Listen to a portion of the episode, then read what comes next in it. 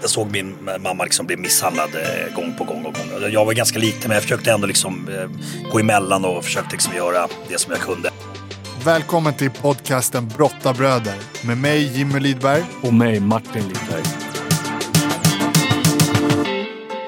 Dagens gäst är kanske det mest folkkära vi har här i landet. Som att mixa svenska köttbullar, ABBA, clownen Manne och så blandar du in en skvätt svensk stål samt en tugga finska piroger.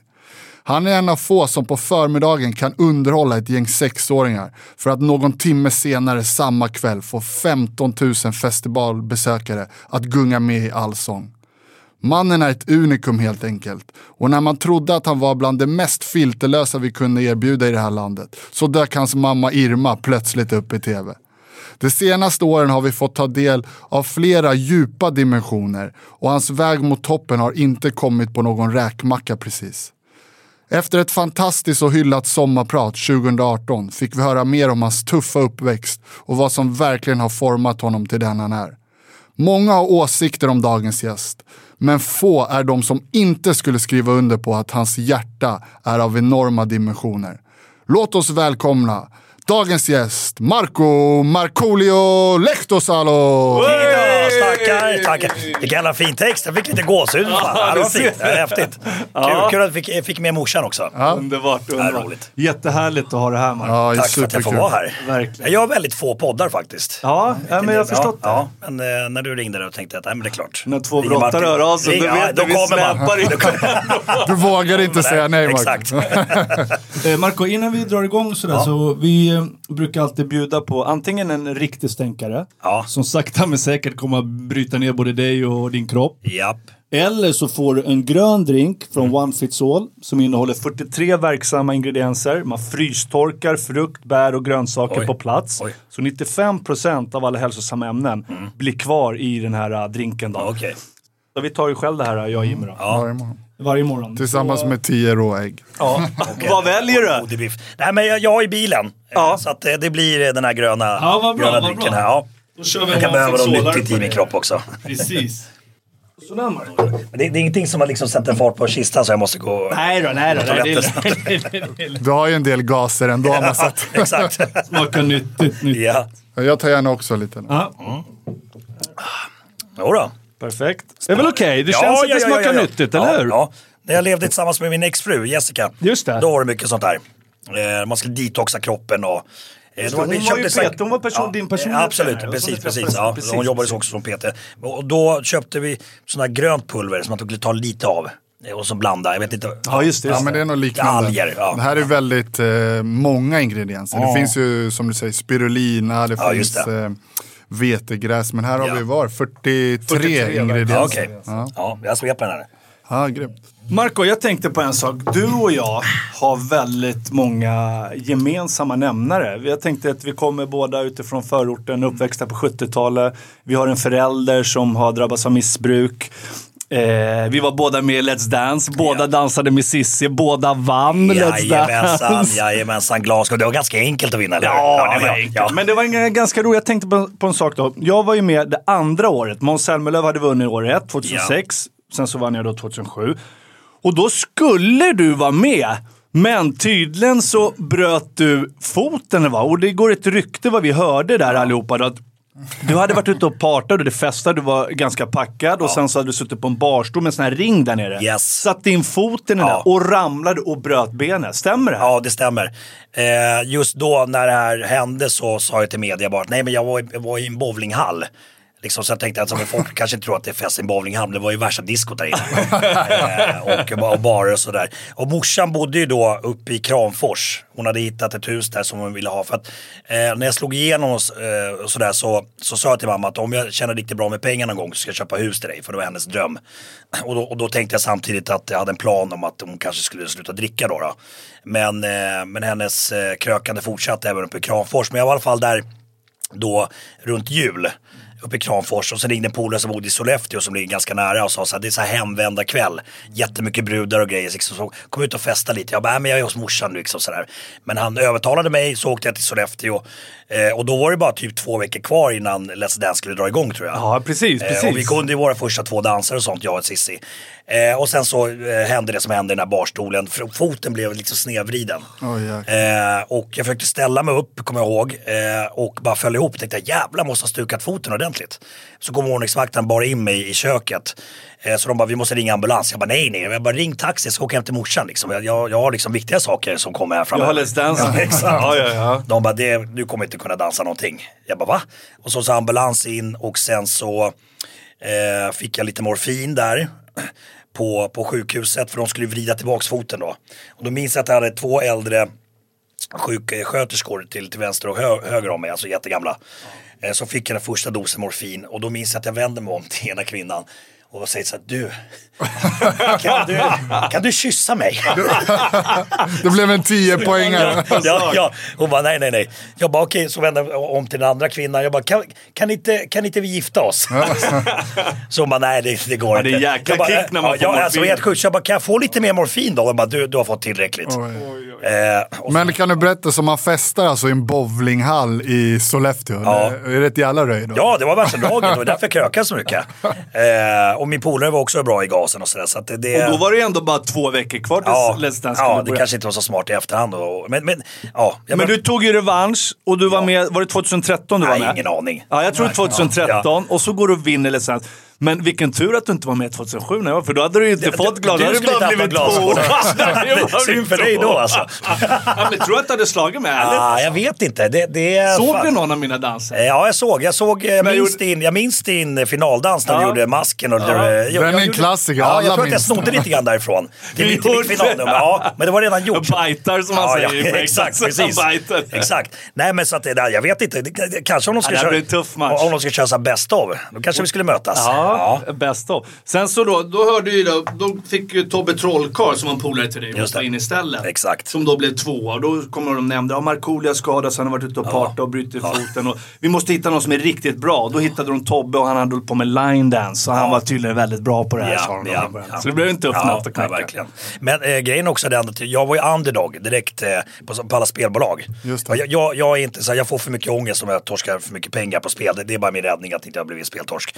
Men då, då var jag så här 20 gånger pengarna så jag matade in en del. Ja, du gjorde det. Ja, så det, det gav åt mig också liksom Ja, eh, fire, liksom att okej nu jävlar. Vad sjukt, jag gjorde exakt Ja, samma gjorde du sak. det? Ja, det vet du. Ja. Jag lirade på mig Just själv det, också. okej. För jag var ju så dålig från början. Ja, ja, jag var ju det. absolut sämst av allt, tillsammans med Lasse Brandebra, han och jag.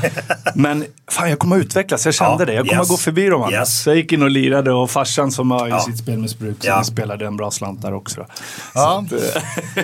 Ja. Ni ser, grabbarna som har gemensamma nämnare. Just det, just det. Sveriges Sorry. danselit. Själv står man för lite hårdare värden. Nej men Marco, lite så här, kasta oss tillbaka lite till uppväxten. Du är Mm. uppväxt i Orminge. Ja. Eh, kan du berätta lite grann om ja, hur var det att växa upp i Orminge och vilken typ av familj växte du upp i? Eh, jag eh, flyttade till Sverige, jag var åtta månader gammal då. Då kom eh, min mamma, jag och min pappa då Eh, till Sverige och eh, för att det, det söktes liksom lyckan på andra sidan Östersjön. Det fanns mer jobb här och sådär så att eh, det var många som drog. Eh, och morsan har ju berättat i efterhand att hon berättade ingenting till, till, till, sina föräldrar utan hon satte en lapp på sin dörr. Eh, har flyttat Ruotsi. det var det enda liksom. Eh, och mamma har också berättat då när de kom in med Finlandsbåten in till, in till Stockholm att hon var väldigt besviken. För att i hennes värld, hon tror att det ska vara palmer och sånt och att, att, att det ska vara ett helt annat klimat. ja, ja, ja. Så hon bara, fan det ser ut som hemma. Men, men de flyttade då till Orminge och eh, sen separerade de rätt snabbt, eh, min, min pappa och min mamma. Och eh, sen flyttade han tillbaks till, Sverige, eh, till Finland efter ett tag. Men morsan eh, kämpade på eh, i Finland, eller här i Sverige då. Eh, jobbade som städerska och diskade på ett sjukhus och sådär. Eh, och sen så träffade hon en eh, man som, eh, som eh, också drack jävligt mycket. Och, eh, och där började det väl, jag vet inte hur gammal jag var exakt. Eh, men och då, där började det också ett jävligt destruktivt drickande och även massa misshandel och mycket slagsmål hemma på helgerna. Jag såg min mamma liksom bli misshandlad eh, gång på gång och gång. Alltså, jag var ganska liten men jag försökte ändå liksom eh, gå emellan och försökte liksom göra det som jag kunde. Men fan det måste ju vara hemskt att växa upp med, med sin mamma och så se män som kommer och, Ja. och är aggressiva Ja, ja, är och fysiskt. Ja. Och hur, liksom, hur, hur klarade du av det här? Och, Ja, Jag vet inte, jag, jag tror att eh, min grej var, det, jag pratade med psykologer om det här efteråt, att, att min grej var ju att, att jag stängde av. Alltså jag stängde, stängde av, det, liksom, det gick inte att ta in det här alltså som, som 10-12-åring. Eh, och jag vet att också att jag försökte skydda mina två syskon då, eh, min lillasyster och min lillebror. Jag försökte liksom, ja, vara som en form av krockkudde eh, mot dem. Alltså mot det, här, det, det, det som de fick uppleva eh, på något sätt. Eh, Men det var, jag vet inte, och det här, och det, det blev lite, lite farlig grej också sen när jag blev lite äldre eh, och började springa på krogen och sånt och man, man hade liksom ganska mycket frustration i kroppen och hamnade i slagsmål ibland. Och just den här förmågan att kunna stänga av eh, är livsfarlig under en stund. Alltså med ingen konsekvenstänk alls. Eh, Men det var det, det, det hade ju tränats upp i min kropp. ja, ja, men barn som växer upp med våld, de blir ju ibland våldsamma själva. Ja exakt, det, det var ju liksom, det var, fick utlopp på det på fel sätt då men, men eh, ja. Var det framförallt en man eller? Ja det var framförallt en man, absolut. Hur var relationen eh, till er barn då? Eh, Ja men den var, alltså mot mig, jag vet inte, han behandlade inte mig bra heller. Så jag åkte ju på stryk med skärp och hårluggningar och sådär. Eh, Så han tog ut ganska mycket aggressioner på mig också då. Eh, Men jag minns eh, varje gång liksom det hade brakat loss hemma. eh, Och mamma sa det, vänta tills, vänta tills Marco växer upp, då jävlar. Eh, Hur tog sig mamma ur eh, den destruktiva relationen? Jag, jag försökte, ja, men sen, så, sen så splittrade de upp för det liksom gick inte längre. Det blev liksom för mycket för henne också. Att det, för det, var, det sjuka var att eh, när det brakade loss på helgerna sen och sen så på typ söndag så var det som att det inte hade hänt. Vi pratade aldrig om det utan det var liksom, det var, det som att man gick runt och visslade bara. Så att, eh, och jag tänkte själv liksom, fan men ska vi liksom inte prata om det här, det som har hänt, för det var ju katastrof igår. Det där känner jag också igen Ja. från vårat hem. Att hade det hänt någonting Ja. sen liksom, det var bara locket på. Ja, exakt. Man fick aldrig tömma och Nej, bearbeta inte. någonting utan det var bara så här, okej vidare till Det nästa. var precis som det aldrig hade hänt. Ja. Och det, det var rätt sjukt. Så, sen så kom ju liksom måndag, tisdag, onsdag. Det var så att fan hände det som hände helgen? Och jag var ganska strulig i skolan och det är inget, ingen, ingen ursäkt. Men jag var ganska elak mot folk eh, i min klass också. Men, men jag tror att det måste ha någonting med det som hände eh, hemma och sådär. Men, men det är som sagt ingen ursäkt och sådär. Men, men eh, kanske en förklaring till. Eh, Du nämner ju ganska ofta det där just att du blev lite elak, att du kanske var med och mobbade vissa Ja, perioder, andra Ja. och så vidare. Och det känns som du, du har lite ångest för det, ångrar dig och... absolut, och, eh, jättemycket. Har du träffat någon av de här? Jag har eh, träffat eh, Gustav Gelin till exempel, han gick i min klass eh, som jag också ibland alltså, så här, kunde, kunde umgås med men också var, var väldigt elak mot ibland. Eh, han var ju med och, eh, och skrev min bok till exempel. Eh, så att det var, det, vi, vi pratade, vi skrattade om det också. Tänk om de skulle sagt det till oss när vi gick i högstadiet. Liksom att, eh, ja, det kanske är lite stö- stökigt här men, men ni, kommer, ni kommer förenas och ni, ni kommer skriva eh, med Marcos bok tillsammans. Och så sagt, fan ni är dumma i huvudet. Har han förlåtit dig då? Ja absolut, jag har ju bett om förlåtelse väldigt mycket. Men det, eh, det var någon tjej som jag träffade, jag hade en sån här klassträff en gång. Eh, och då, då var det en tjej som, som, eh, hon hade druckit en del men hon liksom berättade hur illa hon tyckte om mig och sådär. Så att det, det, Det där tar ju, sånt vill man ju ofta förtränga. Ja absolut. Och jag kan känna igen mig där också. Jag har perioder också i mitt liv där jag också kanske inte alltid var schysst mot, mot allt och alla. Och så. Nej. Man gjorde saker som man ångrar. Ja. Men vilken styrka det finns i att eh, också kunna be om förlåt. Ja, absolut. Alltså vad mycket som Ja. lättar bara att få, Ja. få be en annan människa om förlåt. Eh, Marco, jag tänkte på hur var den här eh, 14-åriga Marco då? Jag ser framför mig att du var lite klassens clown, vill, ville hävda dig och på Ja. så sätt eh, trampade andra lite på tårna. Är det den, eh, Ja, men så, så var det. Och, redan då, vi ville väl ha uppmärksamhet. Ja. Eh, och eh, rökte cigg och krökade och ja. Tror du att du har haft nytta av din uppväxt nu som eh, artist och skådespelare och ja, Alltså, underhållare? jag tror att det, fanns, det har funnits en revanschlust i alla fall på något sätt. Eh, och sen har jag ju liksom varit jävligt rädd och feg för saker ändå. Men, men, men, men ändå tvingat mig till liksom att eh, överkomma min rädsla och sådär. Eh, jag läste någonting på Instagram häromdagen. Det var en, en eh, artist som jag känner som heter Mr Probs. Som bor i, i Holland. Men han la ut en sån här grej, liksom, en, en frågeställning. Så här, skulle du med, med facit i hand där du är idag. ändå gått igenom det som du gjorde under din uppväxt. Och det, och det var så här, det, det gav mig verkligen en tankeställare. Skulle jag frågat tioåriga Marco liksom så här att eh, det här kommer fortsätta att ta Mm. till men det, kommer sluta så här. Då, då skulle jag nog sagt fuck you, se till bara att, att det blir bra nu.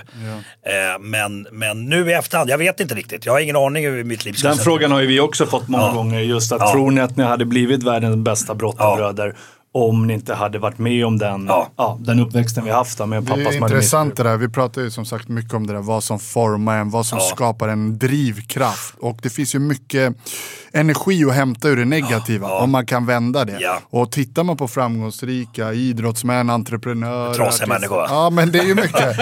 en gemensam nämnare, eller hur? Det, det känner vi allihopa, att man känner igen det här ofta. På gott och ont. alltså, så det, är det, det. är inte bara positivt. Alltså, det, det.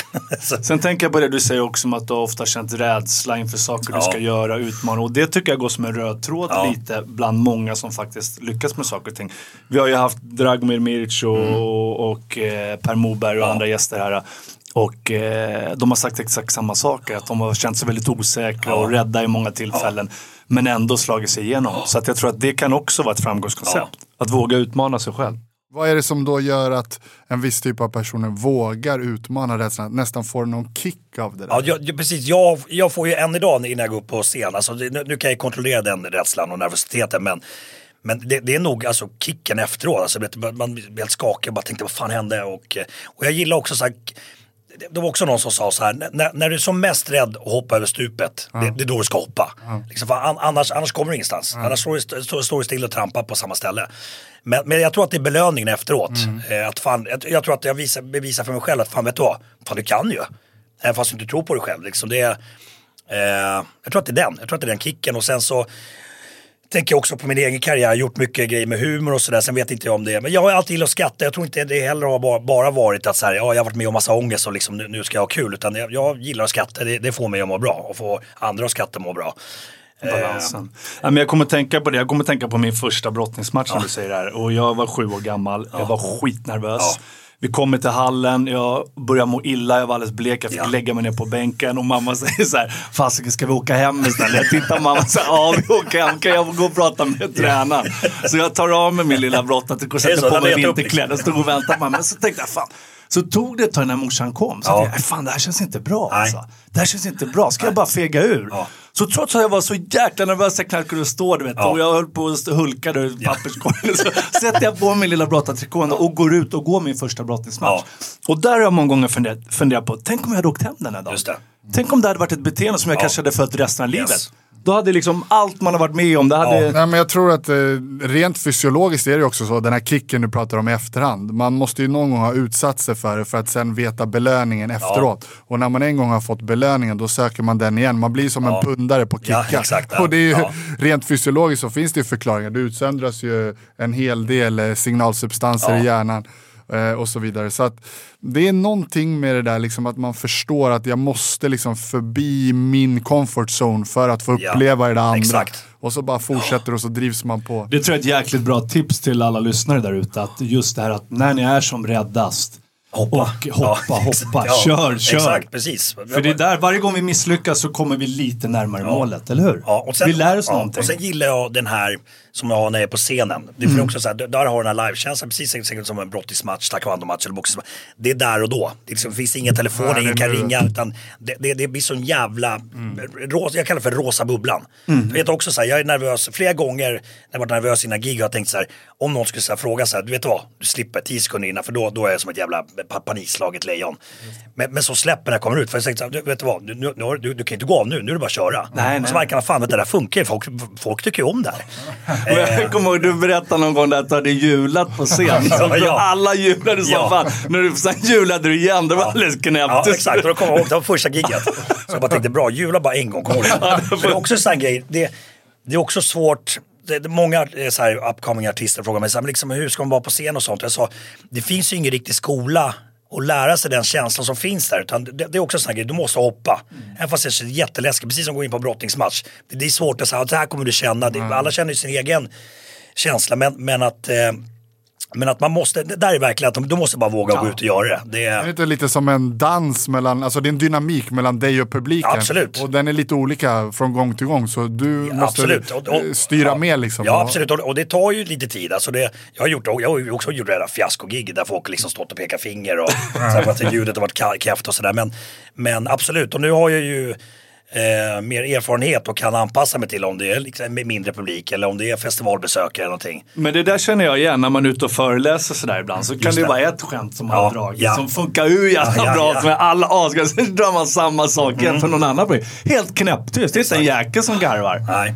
Liksom, kan du känna av det där också? Att liksom olika Absolut. saker funkar för Ja, olika absolut, publiker? absolut. Och, det, det, och det, jag känner av det rätt bra nu också. Ja, man lär sig att Ja, känna av det. absolut. Precis. Ja, Ja, det är Absolut. väl det som är svårt att ge råd till, eh, som du Precis. säger. För att det där är en fingertoppskänsla, du bygger upp en magkänsla. Det är Ja. ju alla dina samlade erfarenheter. Och så Exakt. vet du att, okej nu får jag lite de här Ja. signalerna, då behöver jag ratta lite här. Det går inte att lära ut den där. Nej, och därför tycker jag också så här, när man kommer från till exempel Idol eller någonting, du, vet, du kommer och det, och det, och det är redan första gigget 5000 pers. Men, men du har liksom inte erfarenhet och det, det tycker jag, eh, eh, just att, jag hade turen då att få börja, få börja från botten om man säger så. Ja. Skitiga nattklubbar som ingen vet om, som inte ens finns idag. Att man fick by- bygga upp en erfarenhet och en rutin eh, därigenom. Vad är det svåraste att göra då, tycker du? Utmanarmässigt. Eh, alltså, Ja, men om du har något nå gig eller Ja, något ja, sånt men där. jag vet, alltså, jag behärskar det ganska bra nu. Alltså, så att, men jag är fortfarande rädd. Alltså, jag är fortfarande Ja. så här, att, nervositet. Och det, och det är bra för då får du den lilla edgen som du behöver. Men Jag, jag har aldrig gått in på ett gig så här slappt och bara, äh, men det här, det här, är- det här, vi Ja, men så det där, här. det där känner jag när jag ska följa. Men jag har ju en grej som jag tycker är jäkligt svårt. Det är ju några gånger när man ska komma till byggföretag och snacka Ja. hälsa och träning. och ofta är det på julfesten. och de väntar man bara längtar ångest ska få första drinken du vet, och första Ja, fattar. Och så kommer jag ska försöka få Ja. dem Ja, de vill- omvända. Det, alltså, det Ja, går vill inte de att nå fram. mer höra rövarhistorier istället. Ja, ja, det är som man ju några gånger som man bara... Men då är det ju felplacerad redan från, Ja, från början. ja, ja, men vad fan, vad fan litar Ja, de men, det, men det är lite grann som, som jag har hört komiker, det är också ett så här skräckexempel. Alltså typ vdn på företaget, ja ah, men den här jäveln det är rolig. Och så kommer den där som, som, som eh, hemlig gäst. Ja, just och, det. och ska köra jävla skämt och inte, och inte, få, inte få något garv. Alltså det, det skulle jag aldrig utsätta mig för. Jag skulle få panik. Ja, jag vet efter Let's Dance, där var det några, Ja. eh, 2007. Där. Jag gjorde några dansuppvisningar här. Ja, jag gjorde någon, dansuppvisning. Det, var, det, var, det var någonstans, nu, nu, du gjorde säkert ganska många bra också. Men, det var någonstans som du drog för att det var så jävla lack för att det, det var helt blankt eller? Ja, nej, nej, nej, men jag var i Örebro. Vi hade gjort ett gig i Västerås. Ja. Och så ringer en, en nattklubbsägare. "Fan, Kan du komma till Örebro också? Så tänkte jag, fan vi drar ett kors till. Då drar vi en dubbla gage. Dit direkt. Ja. Så jag upp inne, vi drog järnet jag. Så kommer den där lilla jävla nattklubbsägaren.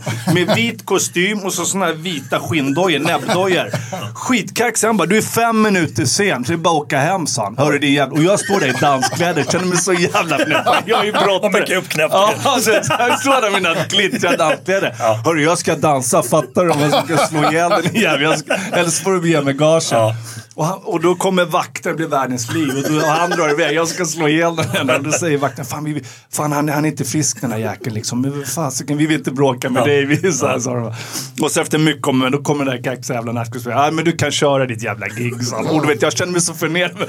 Vi gick ut och körde. Och tog gage och drog. Och jag sa till Cissi, aldrig mer. Det här är sista giget jag gör. Så efter det blev det inget mer. Men Marco, en eh, eh, lite seriösare fråga. Du är ju en av, eller inte jag ska säga en av få, men du är duktig på att underhålla både barn Mm. och sen också vuxna. Hur, hur förhåller du dig till det då? Hur, när du står Alltså- där inför en barnpublik? då? Ja, alltså då... Eh, alltså, och grejen är, nu, nu har ju liksom varvet gått så det, det, det är inte alltså, så, här mycket, så jättemycket eh, tidiga barngig längre. Eh, eh, nu är det mer de som liksom växte upp med min, med min musik som kommer på giggen. Så att, eh, men, men skulle det vara barngig, alltså, då jag vet inte, alltså, jag, jag, jag behärskar ju båda två. Men, men jag kan ju vara mer, känner jag nu, Alltså så här, till exempel sociala medier som mer frispråkiga och liksom eh, kunna lägga upp andra bilder och sånt. Men barn är ganska ärliga, det går inte att lura barn. Har du Nej, fått några så ja, här, ja. som Nej, men det, det, det är den ärligaste publiken som finns. Ja. Så att det, liksom det, det, det, det är ju mer tryck på giggen nu eftersom giggen är sena och det är liksom fulla ungdomar och, eh, och äldre och sådär. Men, men,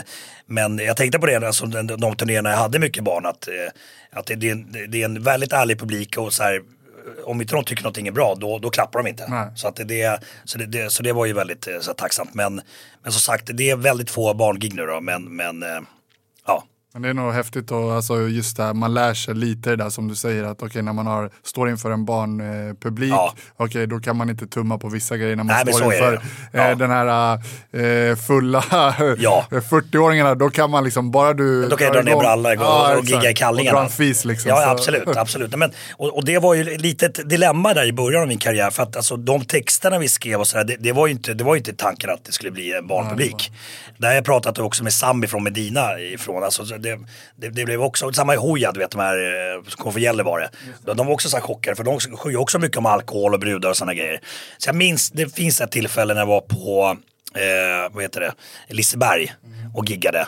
Och då hade vi en låt såhär, bira, bira, bira, bärs, bärs. Uh. Och vet, de, de sitter såhär treåringar och de, de försökte liksom ja, du kände, där bort, känns det, inte rätt. bort det efteråt. Så, ja, bara så du vet så var det lättöl vi sjöng om. eller alkoholfria. Ja, ja, ja. Just det, just det. Men, men, så det var, ju, det var ju lite svårt. Alltså såhär balansgången med lättfot och Lisa och allting och så står det barn och sjunger det. Flata kommer jag ihåg att vi hade någon låt. Sommar och sol där också. Sådär. Men, men, och, och då tänkte vi så här, ska vi börja anpassa oss nu? För nu är det barnpublik. Men då, då, tänk, då tänkte jag, då kommer vi tappa hela våran grej. Mm som är ändå att det är lite förbjudet. Och, och, det, och det var ju vissa skolor som förbjöd Markoolio-musik då i, i början av 2000-talet. Och, och, då tänkte jag det är det dummaste ni kan göra. Är så, jaha, får vi inte lyssna på det här? Nej, då, då blir det det som är, det som är förbjudet. Exakt. Det vill de göra. Ja, ja, ja, ja. Men jag tänkte på, alltså man trodde att, eller i alla fall jag trodde att fasiken nu har Markoolio pikat här. Ja. Eh, och så kommer det här tv-programmet när du och din mamma, ja. Marco och Irma, ska bygga ett hus och det verkar slå allting. Ja, det, det, det, alltså det har blivit sånt, sånt jävla tryck. Så att jag, jag, jag har sagt till mamma att det här trodde jag aldrig. För att, jag har ofta haft förhoppningar om att man, man, man, släpper en ny låt så här, för fan det här känns bra ryggmärg, det här kommer smälla. Vet, så, bara, så händer ingenting. Mm. Så jag orkar inte liksom sitta på några höga hästar eller ha för mycket förhoppningar. Så jag eh, har ju flera polare som, som frågade under inspelnings, inspelningens, eh, inspelningens gång. Så här, hur känns programmet? Kommer det bli bra? Jag bara, jag ingen aning. Antingen så flyger det så inte. Liksom. Jag, ingen det, aning hur det blir nej, mottaget? Man, man, man, man, vet ju inte. Saker och ting måste ju komma i rätt tid och bla bla bla. Men eh, alltså det blev explosion. Det, och morsan är ju, så, hon, hon är hyllad. Alltså, så att ja, det är, Hur hanterar mamma kändisskapet? Jag, eh, det är bra att hon bor där hon bor ute i skogen. Ja. Jag försöker förklara. Hon har ju sett artiklar och sånt som handlar om henne.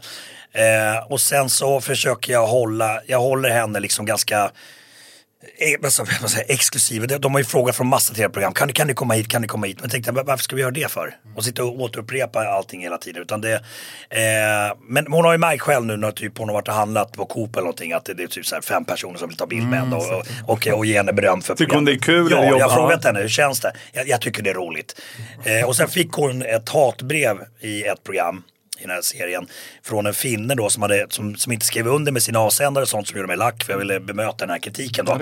Men, men som skrev till mamma då att kan inte du och din son bara hålla käften om er uppväxt och, och all, all alkoholmissbruk eh, som ni pratar om för att det får, våra, eh, det får oss finländare att komma i dålig dager. Så bara, kan, ni, kan ni knipa er en jävla käft? Och jag vart ju skitförbannad. Mm, ja, det är klart. För, för där tror jag också direkt, där blir den här... Att jag, det är ju tvärtom, om man lägger ja. locket på och inte vågar prata om saker och ting som vi själva gjorde ja. i många år. Ja. Uh, det, det ja. brukar ju bara bli ännu värre Exakt, såklart. och morsan har aldrig sagt att anledningen, alltså att hon drack mycket, att det var ju på grund av att hon var finländare.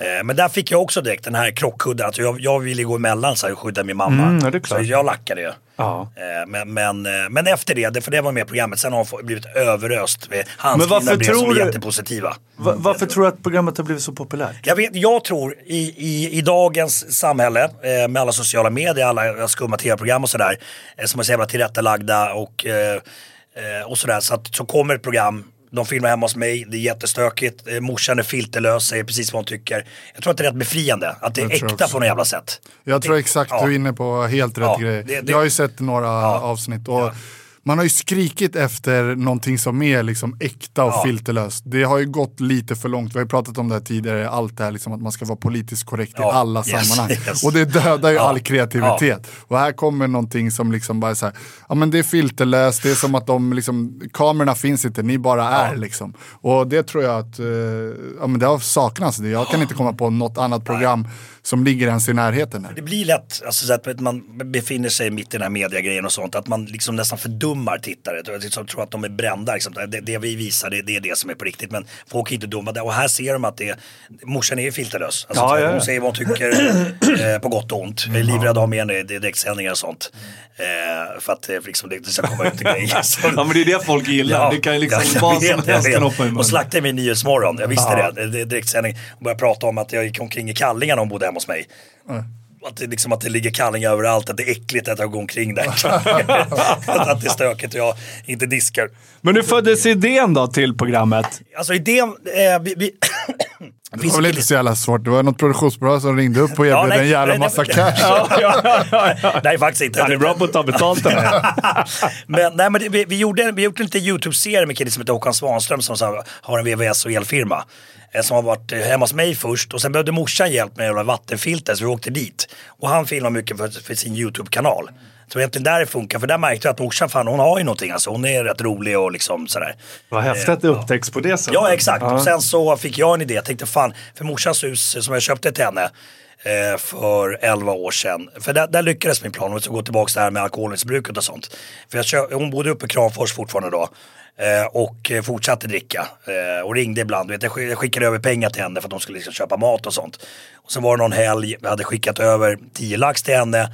Och så ringer, så ringer hon sent en fredag kväll och jag hade fixat klump i magen. Jag bara nu vet jag att nu, nu väntas det jävla jobbigt samtal här. Men så sitter hon i taxi, ska åka taxi till Stockholm för hon saknar oss barn och liksom sådär. Hon ska åka taxi från Kramfors. Ja, till Stockholm. Så jag flippade, så jag bara ge, ge taxichauffören eh, telefonen. Så jag bara, jag bara vänd den här taxin nu. Då, då har han kommit till Sundsvall. Han bara, fast det är inte du som är kunden. Jag bara, lyssna på mig nu. Jag bara, kommer du till Stockholm med den här taxin så får du skylla dig själv. Jag bara, det är mina pengar hon har i fickan. Så jag bara, vänd tillbaka den här jävla taxin nu. Eh, Vilket på han hörde att jag var allvarlig. Så de vände tillbaka och sådär. Men så jag kände att jag behöver få bort henne därifrån också. Så då, då hittade vi det här huset eh, på Ingarö. Och eh, direkt när hon flyttade in där. Det var ingen krav från min sida, ingenting sånt. Utan jag tänkte hon måste ta det här beslutet själv. Eh, och sen så, då, då, hon är druckit på 11 år. då. Så att, eh, Härligt, ja, jätte, så min plan lyckades. Sådär. Men det var aldrig några krav. Såhär, ska jag få det här huset ska du sluta dricka. Var det du någon annan, eh, var det i samband med att eh, hon blev mormor? Ja, Eller exakt. Fick farmor? barnbarn. Exakt, det ja, också. Ja. Eh, det För oftast också. brukar Ja. det, att, det måste ju komma inifrån, Ja, ja, precis som du säger. Ja. Men det kan vara någon trigger Precis. som gör att de... Exakt, så jag, och jag tror att de känner sig rätt klar liksom. Det, det, och fattar att det, det håller inte. Det blir för stökigt. Ja, vad härligt. Men Marco, jag eh, måste trycka in det lite mot väggen här. nu. Ja, okej. Eh, när jag kollar på programmet sådär och eh, jag, eh, din mamma är väldigt filterlös Ja. och väldigt äkta. Men hur mycket roll har du om du ska vara ärlig? Du är ändå liksom Markoolio med hela svenska folket. Man förväntar sig att du ska vara lite skojsig. Ja. Det ska släppas en brakare. Alltså, Ja. Man förväntar sig lite den delen. Ja. Och du vet att det funkar. Men hur mycket skulle du säga, liksom, om du är verkligen ärlig, vad är Ja. liksom att så här, trycka på på de knapparna du vet fungerar och vad är liksom bara, nej men så här är jag. Ja, men, det- men vet du vad, det, det, det, det, det finns ingen roll. Alltså mina barn, eh, vi satt och kollade på episod 5 och 6 nu, jag har fått det skickat till mig. Och Mike, min sjuåring, bara ah, vad pinsam du är. Men, men så här är det ju pappa. Alltså, jag, jag, det ligger vi under samma täcke så kan jag dra av mig mökare. Jag är fortfarande Ja, här. ja, ja. Jag är fortfarande här. Eh, Nu tycker eh, Ma- Melker som är 10 och Moa att det är töntigt. Men Michael skrattar fortfarande. Ibland ska jag dra en bak, brakare hemma. Så låtsas jag sätta mig på moppe och sen så drar jag en brakare. Det funkar. ja. Och du garvar Ja, ja. Och, det, och, och, Moa och Melker skakar på huvudet och tittar bort och tycker Ja, det är jättepinsamt. alltså. Också såna här grejer när jag ska åka och hämta dem ibland. Ja, ja, ja. Då kommer jag vet, av värsta musiken på med hög bas och sånt. Bara, och Moa vet, skriker nej! Sänk för hennes klasskamrater står ju också där. Och sen du vet, när de ska öppna dörren så, vet, så åker jag iväg du vet, några meter. Ja, ja, ja. Så de måste skämmas och gå efter bilen. Man har sina grejer, så är det. Men förmodligen är det väl så som du säger att någonstans så, det är svårt att spela en roll konstant. Ja, nej, det går inte. Nej, men går det- nej, nej, nej, absolut Sen kan man ju inte. såklart, eh, säkert kan jag tänka mig, vi har pratat med några andra också, att man kan förstärka vissa grejer som man vet funkar och så vidare. Ja, Men fast det finns ingen sån baktanke med det. Men, men alltså, så här, det, Sen blir man väl mer och mer naturlig med kameran när de är där så, Ja, ja, ja, så ofta. absolut. Så till slut glömmer man nästan Och jag och morsan har den här jargongen alltså, utanför också. Det, det är ingenting som, som de, någon har bestämt sig. Ha, eh, bråka lite grann, utan det, det, det är där. Alltså, Men ryker ni ihop ibland? Bru- Brukar ni Ja, men- tjafsa och ja, bråka du och morsan? korta stunder, alltså så här, det, men det blir ing, inget så här att vi inte hörs på flera dagar. Utan det, Nej. vi kan rycka ihop på någonting, men sen så släpper efter bara, bara alltså, någon timme. För jag och brorsan gör ju mycket ihop. Där. Vi har ju vår online-tjänst och sen så kör vi podden. Och Så att vi rycker ihop. Eller? I morse var han sen som vanligt och jag blir irriterad. Alltså, och då gnäller han på mig Ja. att jag inte kommer ner tillräckligt snabbt. Marco, jag har bevis på sms. Jag skickar så här, där om en kvart. Ja. Och så måste, vet jag att jag måste pumpa liksom hela vägen. Så här, Ja. där om fem minuter, Ja. där om tre minuter. Och ändå får jag stå Ja. en kvart och vänta. Okej, okej, det tar mig fem minuter att gå ner, men då är det mitt fel att vi är sena när vi kommer. Ja, du vet. Men, men, men, ja, men, jag, jag har inte läst er bok, men hade ni, som jag har förstått, en period där ni inte snackade med varandra eller? Okej. Det stämmer. Vi hade ju olika förhållningssätt då, till vår pappa som Okej. okay. led av... Han, pappa ägde de stora illegala spelklubbarna i Sverige, men så fastnade han själv i ett spelmissbruk som eskalerade. Folk jagade han, skulle ha pengar, då skuld, eh, skulderna såldes och så vidare. Sen så, som det är med missbruk ibland, så vandrar de. Så att det, för pappa, för att döva allting, så blev ju alkoholen också då. Och eh, vad jag var mer och fasiken, han- pappa har bara vi- oss, vi måste rädda honom. Okej. Folk kommer ha ihjäl han, ska vi ta honom utomlands? Medan Jimmy tyckte ju lite mer att fasiken, han förstör våra liv liksom. Fasiken. Alltså när det hade kommit till en viss när det hade gräns. kommit till en viss gräns. Det, det höll ju på under flera år Ja. och morsan blev ju drabbad och alla andra runt omkring. Och till slut när vi hade försökt rädda han, då kände jag mycket mer att så här, det är ju egentligen vi som måste räddas nu och mamma. Ja. Du fokar på pappa men han förstör och bara drar ner oss i skiten gång på gång. Okej. Jag var ju mer medberoende. Som Ja. psykolog, när pappa sen började gå på behandling så sa ju psykologen, fattar du hur medberoende du är? Du Mm. åker med din pappas berg och dalbana hela tiden. När han är nere, då är du nere. Rätt vad det är så tror du att fasiken, nu ska vi få farsan frisk och då var jag här uppe också. Medans, så att, och det gjorde att jag och Jimmy rök ihop då. Eh, och ja, nästan slogs i, Ja, ja. i Gamla stan där vi bodde på Västerlånggatan på den tiden. Och, jag, och, eh, och då snackade vi ju inte på Ja, det var ganska lång tid. Ja, det var ju upp mot ett år någonting, men det var ju OS då som blev lite vändpunkten. Jag skulle ju till OS i London där. Ja. Och eh, jag var aldrig på brorsans bröllop, så alltså det var ju... Ja. eh, Alltså det var, på den nivån. ja, det var på den. Men sen så, eh, ja det var jävligt starkt, men ni kan läsa i boken. Men sen så hör ju jag, när jag går in min första match i OS i London, så hör jag två röster som jag känner igen. Från ta- ja. Ja, då hör jag den här liksom, kom igen Jimpa, kör. Shit. Och då hör jag är farsan och eh, eh, Martin. Det är starkt. Ja, Du-. Men fan, det- Okej, och då, då liksom, då eh, muren liksom riven. Ja, och sen så eh, gick det jävligt bra för mig där OS. Jag tog den OS-medaljen som vi saknade inom familjen. Martin har ju varit med i några OS, vunnit VM. Men, eh, ja, och sen efteråt då, så, liksom, när, efter sista matchen, då var det bara så att hela mitt system bara, vad är, vad är brorsan, vad är Ja, farsan? ja, shit alltså. Så, eh, det var otroligt starkt eh, Marco. Jag tror att du om någon förstår det vi har gått igenom Ja. som har den bakgrunden som du har med din mamma som växte upp med henne. Och det är som våra pappa, han har gjort hemska saker men han har ett otroligt stort hjärta och man älskar, man gör ju allt för sina föräldrar. Ja. Precis som du har gjort och köpt Ja. hus och vill ha mamma nära och allting. Så att... Eh, Får jag lite mer sån här grönt? ja, nu måste vi lätta upp ja, stämningen. känslosam. Jag kände också, jag vill kolla Jävlar. Ja, vad- fan. Vi har, inte läst, det var jävla starkt. Ja. Ja, tack Marco. Ja, det är så när man känner igen också, men ja, så är det. Ja, nej men det... Jag tänkte lite på det här med eh, din pappa. När vi är inne på pappa, du var 15 år första gången du träffade pappa eller? Ja, exakt. Eh, och grejen är den, som jag nu, när vi skrev eh, min bok och sådär så har jag ju fått eh, höra saker som jag liksom inte, eh, nej, men som man kanske inte annars pratar om. Det var jävligt kul. Jag fick ju till exempel veta att min eh, morbror Ismo som jag har älskat och sådär, för morsan har två, två sådana här handmålade tavlor hemma. Eh, och då eh, i samband då med, med programmet vi har spelat in så har hon berättat att ja, men de här gjorde Ismo i, i fängelset. Jag bara, "Va- varför satt han inne då? Nej men han, han snodde en brandbil på fyllan och eh, brände omkring i, i Lattis med syrener och, sy- och blåljus. Då. Jag kanske Det är inte ska två- skratta, Nej, Jag vet, men det, men det är en kul historia nu. Ja, ja, Just då. ja. och sen så åkte jag dit och så hade han målat de här tavlorna till, till mamma då, då med så här rosor på och sådär. Men, men också så har morsan berättat då när, när de flyttade till Sverige, min, min pappa och mamma och jag. Eh, och de separerade eh, så träffade han en ny Och då var du alltså... det här var- kan ha varit eh, ett år, åtta Ett år, månader ja, ja. Så har morsan berättat att, eh, att min farsa eh, hade träffat en ny kvinna och eh, när morsan kom med i barnvagn och han gick förbi oss med sin nya kvinna så han har inte ens hälsat på oss. Och, så, och då sa jag till morsan, varför har du inte berättat sånt här för? Liksom? Eh, för att jag träffade honom när jag var 15 bast och då, då skulle jag inte ens försökt haft kontakt med honom. Så att, eh, och sen kände jag också när vi träffades här att eh, för mig, det enda jag kände var att jag, bara, jag, eh, jag liknar honom. Det, det, det liksom, men annars var det som... Till utseende Ja, utseende, exakt. Lever pappa idag? Ja, han bor i Finland och sådär. Men, men, och vi, han försökte hålla kontakt och sådär. Men för mig var det... Eh, för mig hade tåget gått kände jag. Jag, jag har min familj, det är min mamma, min lillebror Mikko och min lillasyster Mirka. Var det som att träffa en främling? Ja, exakt. Ja. Och Jag och förvånades över att jag kanske inte som man har läst att många gör så att man ställer, ställer personer till svars. Varför drog du för? Varför höll du inte kontakten? Varför hörde du inte av mig?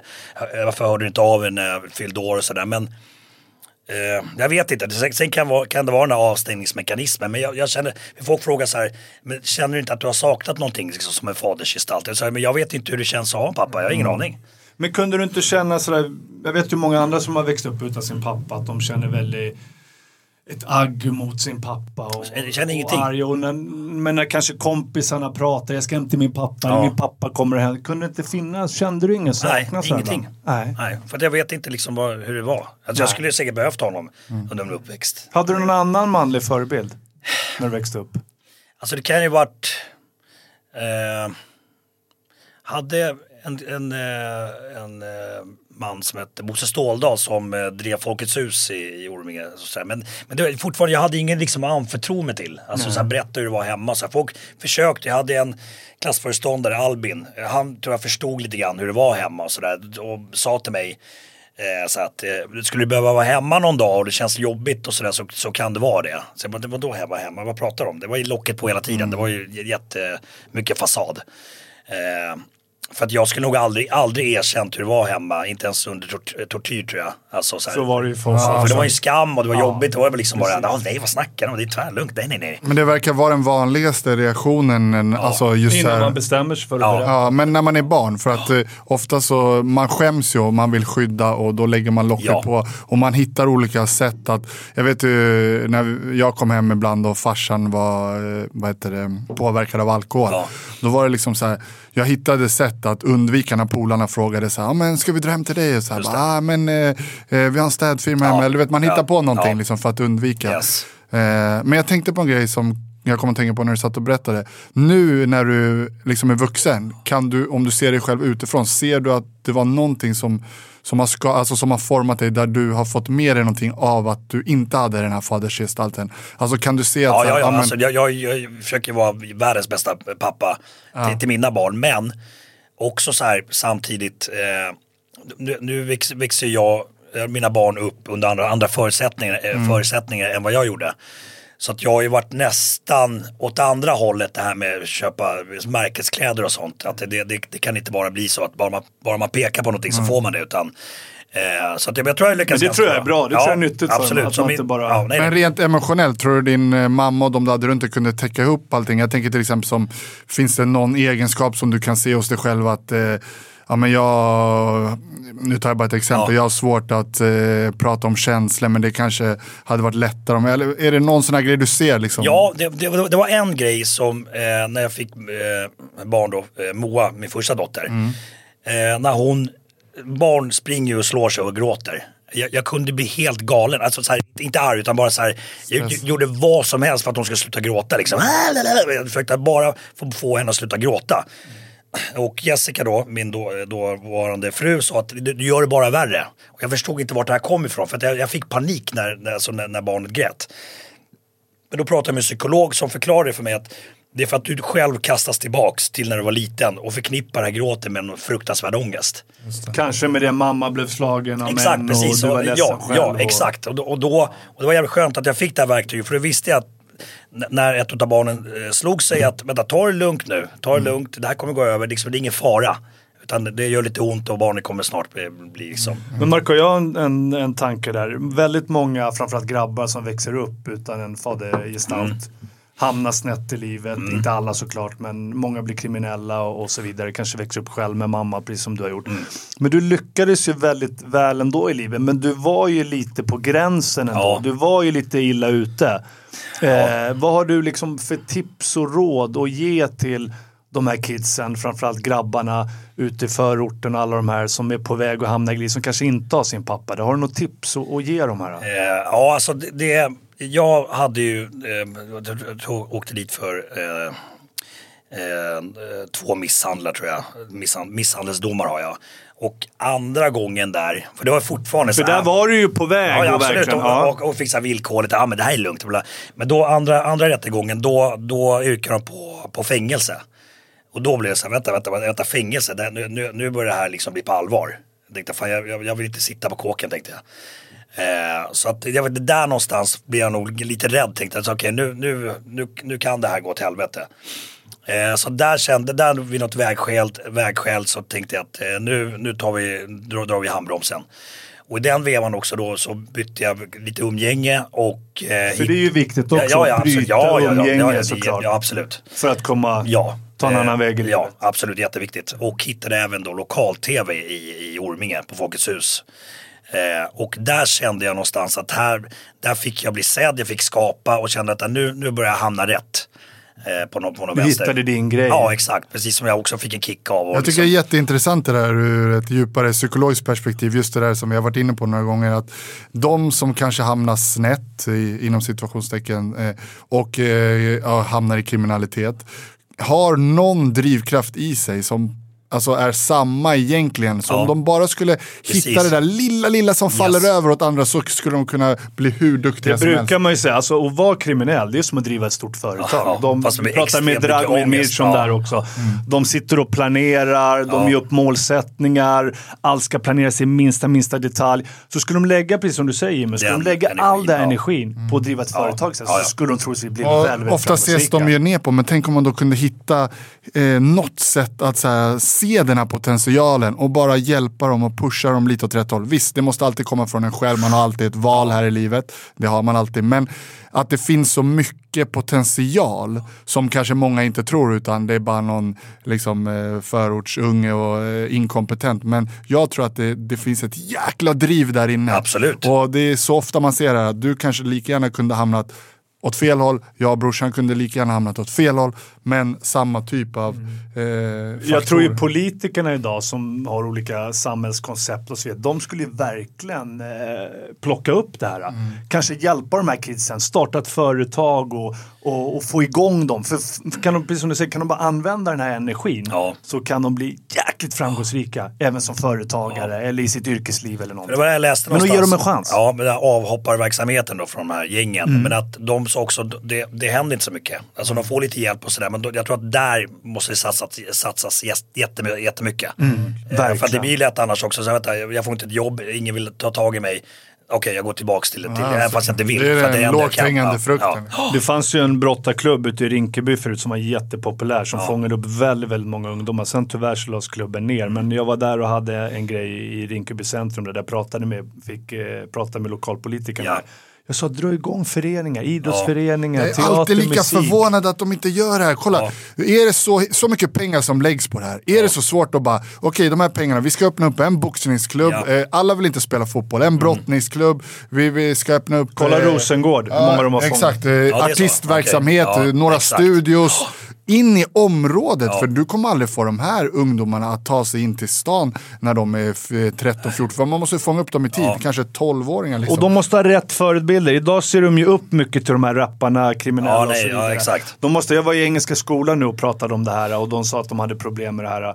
Och eh, fick superfin gehör och pratade med de här, alla de värsta kidsen. Och de Mm. sa, det är första gången vi ser någon som kommer hit och pratar, som når fram till de Ja. här värstingarna. För, för, för så är det också lite grann att det, jag tror det blir svårt, så här, inget illa om dem, men så här, om du en social eh, men, men som man vet liksom inte, som har, som har läst någonting på papper och ska förklara hur... hur liksom, ja, Igenkänningsfaktor. ja, ja, det är jätteviktigt. Det är så, så här, eh, Ja, men, ja. men, men precis. Och, och för mig var det också så här med Nacka Lokal-TV som gjorde Folkets hus i Orminge där.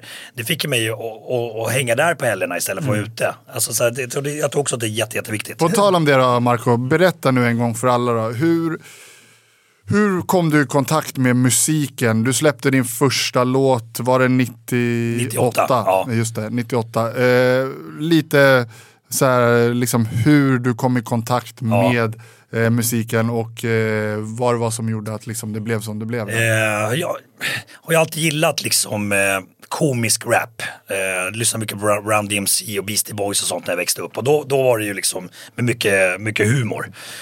Eh, och sen så gjorde vi lokal-tv, jag och några vänner. Och eh, min polare hade en musikstudio hemma. Och så hade vi fem minuter på vårt program som liksom fattades. Min polare sa, men vi gör, vi gör en sjuk jävla låt och sen gör vi musikvideo till den så har vi fyllt liksom vår halvtimme. Eh, och den låten eh, blev ganska omtyckt i Orminge liksom bland mina polare och sånt.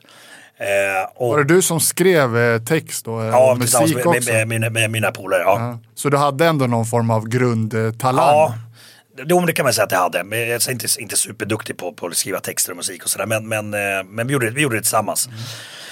Och här kommer då eh, lögnen eh, sen eh, när vi fick skivkontrakt eh, med låten. För då sa jag att eh, jag hade blivit upptäckt på nattbuss. Att, eh, ja, Den har man hört. Ja, och den, och den lögnen levde jag med jätte, jättelänge. Så att eh, när jag fick den frågan Det är sen svårt att hålla upp den och sen på ändra sig. Det är jävligt starkt Ja, vidrigt var det. Alltså, jag fick den frågan på äldre dag. Men berätta den här natt, nattbusshistorien. Jag bara, nej men jag har dragit den så jävla många gånger. Jag pallar inte prata om det längre. För att jag skämdes. Jag tänkte, Ja, fan ja, jag sitter och ljuger hela tiden.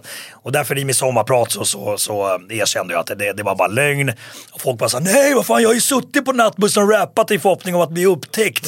jag sa, det, det, jag vet inte fan om det funkar. Men var du först i Sverige med att rappa just och lägga mycket humor i det här också? Ja men det, ja, det var ju vet du, det, ska se, Petter kom i samma vända också men det var ju på Men det allvar. var inte riktigt- Nej men Latin Kings hade, var väl där och touchade lite grann att det ändå var liksom ganska roligt men också, också allvar. Men eh, just det hade lagt av. Så Ja, att just det, just var det hade illa, det Exakt, just precis. Men eh, låt han förklara här. Ja, ja. Va- Eh, Hur- Vem upptäckte det då? Eh, jo, det, så, så var det så. Jag jobbade på en polares eh, eh, 7-Eleven butik på, på Mariatorget. Eh, jobbade nattpass där 23 till 08. Kaos var det. Eh, men där var det en kille Mycket som... vev där. Alltså, det, var, det var kaos ett tag. För att när min polare köpte den, eh, vi, vi känner honom båda två. Eh, när han köpte den så, så ägaren innan hade, det var anarki där inne. Så det, folk kom in, vi hade så här cigarettstället ovanför, du vet, ovanför disken. Så folk kom in bara tittade oss i ögonen och, vet, och rökt tre paket cigg och satte i fickan och gick ut. Så vi bara, vad fan händer? Så vi bara, okej, det måste bli nolltolerans här nu. Eh, så att det, var, det var kaos där ett tag. Men sen efter en månad då visste folk, alla de där, det, det går inte att gå dit och sno längre. Eh, jag hade en, jag och Filip, min polare, jobbade nattpass där och sen så kom det in och pundare och snodde en Snickers. Eh, och det, det blev ju extra starkt för det var ju en polares butik. Så vi, vi, alltså så här, skulle varit någon annan skulle Du var redo att dö för ja, den ja, men lite, ja, men lite så. Ja. Så jag går efter honom ut på gatan då, för min polare sa, han, bara, han snodde en Snickers. Jag bara, är du säker? Han bara, jag bara, vänta här. Så gick jag efter honom, så, så, så gick jag efter, han hade 10 meters eh, mellanrum då. Så gick jag efter honom, så jag bara, du, eh, kan du lägga ner snickersen på gatan, sen kan du gå liksom, det är lugnt. Eh, men ge tillbaka snickersen. Han vände sig inte så. Han bara, jag har ingen jävla Snickers. så jag tänkte, vad fan. Jag bara, kom igen. Jag bara, fan, det är okej, jag släpper. Lägg bara Snickersen på gatan så kan du dra. Och då, han, han har fortfarande inte vänt sig om. Då drar han fram alltså, vet, en sån här lång eh, eh, skruvmejsel och fortsätter gå. Då var det ju pre- prestige med Jag bara, Ja, ja, nu, nu, nu, nu måste jag ha tillbaka Snickersen. Ja. Så jag bara, nu, nu lämnar du tillbaka Snickers. Jag fattar det, så hörde jag rösten. Han bara, jag har ingen Snickers. Och då vände han sig om med, med det här. Men jag höll fortfarande avstånd tänkte att man skulle utfalla mot mig. Och så tänkte jag så här, men han kommer inte släppa den. Så tänkte jag, vänta, jag, jag försöker blåsa. Så jag satte handen bakom ryggen. Så jag bara, lägg ner Snickersen nu, fattar du det? Ungefär som du hade en pick. Ja, ja, ja. Och då såg jag att han började vackla. Jag tänkte, "Nej, jag måste hota nu. Så då körde jag båda händerna som att jag hade dubbelpicka. Då bara, "Hej, ta det lugnt! Ta det lugnt! Han var inte rädd för en tvungen Exakt, precis. Lite grann som att jula. så att då slängde han ner den. Så att jag bara, stick härifrån. Håll käften på det. Och så tog jag tillbaka, så kom jag tillbaka som hjälte till butiken. Skitsamma, det var ett sidospår. Eh, men då skulle en kille eh, som hette Arjan sluta jobba där och börja jobba med musik eh, professionellt. Och då sa min polare som hade hört den här plojlåten på Nacka lokal-tv. Eh, han bara, men fan testa Marco för att jag tror att han, liksom, han har i sig, han är ganska rolig. Så han bara, men jag ringer honom. Och sen åkte jag till en studio i Västerhaninge, så spelade vi in Sommar och sol då. Och- Och då eh, sa de här två killarna jag jobbade med att eh, nu kommer vi försöka få skivkontrakt. Jag bara, lycka till liksom. Det, för vi var ju fortfarande jag Det var en låt, liksom. Ja, en låt. Och som jag tänkte att våra polare skulle tycka var kul. Men sen ringde de efter några veckor så här, vi ska på möte på ett skivbolag. Jag tänkte, vad fan, jag bara, menar ni allvar eller? Så upp dit och så vi något kontrakt. Eh, och sen så började den här Fick spelas. du cash då direkt? Nej, nej, nej, nej, nej, nej, för fan. För du var beroende av stålar då? Du hade väl... Ja, jag fick några jävla förskott av min polare tror jag. Ja, okej, Fem lax och köpte ett par skitschyssta sneakers och, och någon, någon fejkguldkedja och grejer. Eh, men sen började låten spelas på, eh, på radio och, och den vevan då så ringde Dennis som jag fortfarande jobbar med idag. Och sa att hej, det är ingen från en artistförmedling, vi kan fixa gig till dig. Jag bara, vad menar du? Vadå gig? Att du ska liksom, åka, åka uppträda. Jag bara, nej för fan det, det, det, det, det går ju inte. Alltså, Jag kan inte sjunga nej, nej, live. nej, nej, nej, nej, nej, inför massa okända människor. Jag bara, glöm det för fan, aldrig i livet. Du hade aldrig Där kommer det-. Nej, jag, Och där kommer rädslan in igen. Direkt panik och jag har aldrig ens drömt om att få, alltså, så här, jag, det är det som är så sjukt. Jag, jag har aldrig haft en dröm om att bli artist, utan det här hände bara. Men då, och, och då tänkte vi precis lägga på, så han bara, "Ah, synd du skulle fått fem lax. Jag bara, vänta, vänta, vänta. Det var då fem, fem tusen för att köra en låt. Och det var det, var det jag fick ut. Jämför det med Seven and Ja, och det, det var precis den som jag fick ut för att göra slåss med pundare på helgerna. På en nattpass på 7-Eleven. Så jag bara, vet du vad? Och då tänkte jag också så här, fan det kanske inte kommer så jävla många fler chanser i mitt liv. Liksom. Det, jag bara, det här kan ändå bli någonting. Samma som du tänkte med brottningen. Ja, så jag bara, vet du vad? Jag bara, vi kör. Så jag var ju livrädd sen skulle åka till Gävle och köra det här gigget. Snustorr i munnen. Jag tänkte också, satt med micken, handsvett. Jag bara, fuck det, jag drar härifrån. Så tänkte jag så här, vänta, ta det lugnt nu, riv av det. det, det, fan, det är, vad, vad kan hända? Eh, och sen upp. Den är eh, bra, vad är det värsta som ja, kan hända? exakt, precis. Det är inte så att jorden slutar Nej, verkligen inte. Ta chansen när chansen kommer. Ja, exakt. Ja, men verkligen. Ja, och då, då Man kan jag, inte mer än misslyckas. exakt, så upp där. Och då minns jag att eh, folk började sjunga med. Jag tänkte, fan har de hört låten ända till Gävle? Tänkte jag. Ända till. Och sen- Jag bor i Orming. Exakt. Jag hade, jag hade varit, inte varit utanför Stockholm typ innan. Eh, men så körde jag den låten och sen bara drog det, drog, liksom, tog det spinn. Och sen bara körde jag, körde jag, körde varje helg. Vilken jävla Ja, revansch. ja. Alltså jag är så imponerad Marco. Alltså från din bakgrund där du kommer, ändå din uppväxt, det du har varit med om och sen så den som- otroliga det- karriären du har Det, haft. känns, alltså. det, det, det är faktiskt rätt sjukt. Alltså det, det, och jag brukar faktiskt tänka på det. Jag har en polare, vet du, jag bor jävligt fint vid vattnet. Och det tar Uppskattar du det här eller tar Jo, ja, ja, absolut. Ja. Nej, jag, jag har en polare som Filip som jobbar på 7-Eleven. Han, Ja. han, han och jag brukar stå på min altan, blicka ut över vattnet, min sandstrand med mina jävla palmer. Och han brukar ofta sä- säga, han bara, Marco, vad fan var det som hände? Jag bara, ingen aning. Fortfarande. Det, För och du det, slog igenom ganska sent ja, ändå. Ja, eller man- 20 23, 23, ja, Ja, 23 men många- ja, ja, det kanske- så- Men det som jag är också imponerad av, det är väl en sak att göra en one hit wonder. Ja. Men du har ju varit som en jävla kameleont. Alltså, du lyckas ju i alla sammanhang och liksom skapa någonting som människorna verkligen vill ha. Oavsett om det är liksom en rolig karaktär eller om det är något seriösare. Va- Alltså, det är ju svårt att komma till toppen, det vet ju vi. Men det är ju ännu svårare att stanna kvar. Ja, och det, Eh. och det är också så här folk vad vad har du haft för plan, strategi? Jag, bara, jag har inte haft någon strategi. Jag har hoppat på grejer som jag tycker är kul och jobbar med, med bra folk. Fredrik Granberg har också mycket med min karriär och, och alltså jag har mycket att tacka honom för. Vi har samma sjuka humor och, och sådär. Eh, men, men som sagt, om till exempel vi vann i Let's Dance också, det, det är ingenting som du, du måste göra det själv. Alltså där, där har du inget sånt. Du, du har ju din dansare såklart men, men eh, Ja, exakt. Och bestämma sig. För att göra jag tror att det är det också att jag ofta så här, när jag hoppar på någonting så tänker jag att jag inte gör det halvdant utan jag kör det fullt ut. Det var lite det vi var inne på Ja. innan vi satte på kameran. Ja. Oftast eh, det är också en igenkänningsfaktor. Ingen gråzon. Exakt, Nej. allt eller inget. Ja. Och eftersom jag brukar tänka så här, ett dygn är bara 24 timmar, ett liv är bara ja, 90, eh, 90 år kanske.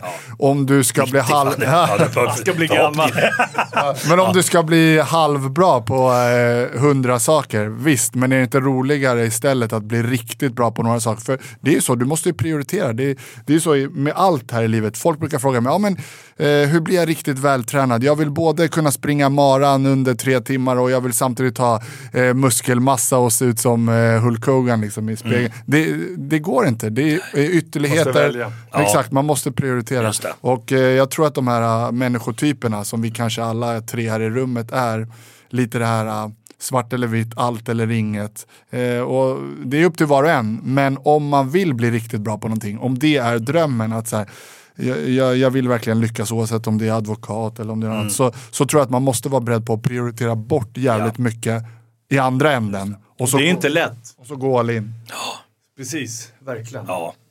Vad är det som du inte har gjort? Alltså? Jag menar, du har sjungit, du har gjort teater, Ja. du har gjort alla möjliga. Vad är det som du inte har gjort som du gärna skulle vilja göra? Eh, en utmaning skulle vara eh, och eh, kanske göra någon så här seriös filmroll någon gång. Jag tänkte på det, jag skrev upp det här. Ja, alltså vet, så här, och gärna att folk har förväntningar att ah, fan, nu ska Där du rolig. inte behöver gå in i den här Markoolio-rollen. Nej exakt, utan och, mer- och nästan sätta skrattet i halsen på folk. Eh, Eh, så vet jag inte vad, vad det skulle vara för typ av roll, om det spela massmördare eller någonting. Men jag, jag, vet inte. Det, Ja, men det, du gillar ju utmanare själv, Ja, det exakt. märks. För jag tänker också så här med din musikkarriär. Du började rappa och ploja mycket Mm. så här, men sen så vet jag att du tog sånglektioner. Ja, gjorde musikaler och sånt. gjorde Ja. musikal Ja. och så vidare. Så du har ju en jäkla drivkraft Ja. när du väl bestämmer det. Nu kommer, nu vet jag inte när det här sänds men eh, 16 februari kommer faktiskt min, eh, för första gången också skitläskigt. Jag vet fortfarande inte om jag ska våga köra den på giggen och sådär men, men, men jag och morsan har gjort en låt eh, som tre, tre killar som heter Simon Superti Stor och eh, Charlie Bernardo har skrivit. Eh, där, där morsan sjunger refrängen och jag eh, rappar versen då men, men som handlar om vår uppväxt. Eh, som släpps den 16 februari, jag vet inte när det sen som sagt. Men, men, men, och det ska också bli jävligt intressant att se. För att blir det en superhit då måste vi köra den. Jag vet inte. Då måste du och morsan åka runt. Ja, ja, ja. Är du vet, du hur sjuka är? Att nu, eh, nu bokas alla gig inför sommar och sådär. Så det är skitmånga arrangörer som så här, eh, frågar, kommer hans mamma följa med? Är så det. Dennis bara, eh, nej vad tänkte ni? Nej men, nej, men kommer med och presentera honom eller någonting. Så de vill ju ha henne också. Finns det en rädsla att göra mamma till en kändis? Finns, kan det finnas något nå bakslag med det, känner du? alltså, Eller kör du bara som Ja, du brukar? det, det, så här kan det vara. Så för nu är hon superhyllad. Eh, och sen, jag vet ju själv hur det är. Och sen så, när man är på toppen, sen, är- sen vill ju folk... vill folk dra ner henne. Men, men samtidigt så, hon har ju inga skelett, skelett i garderoben längre. Utan hon, hon, har ju hon, är liksom, har ju berättat allting. Så det, det liksom blir svårt eh, att dra ner. Men, men det, det är kanske lite den grejen.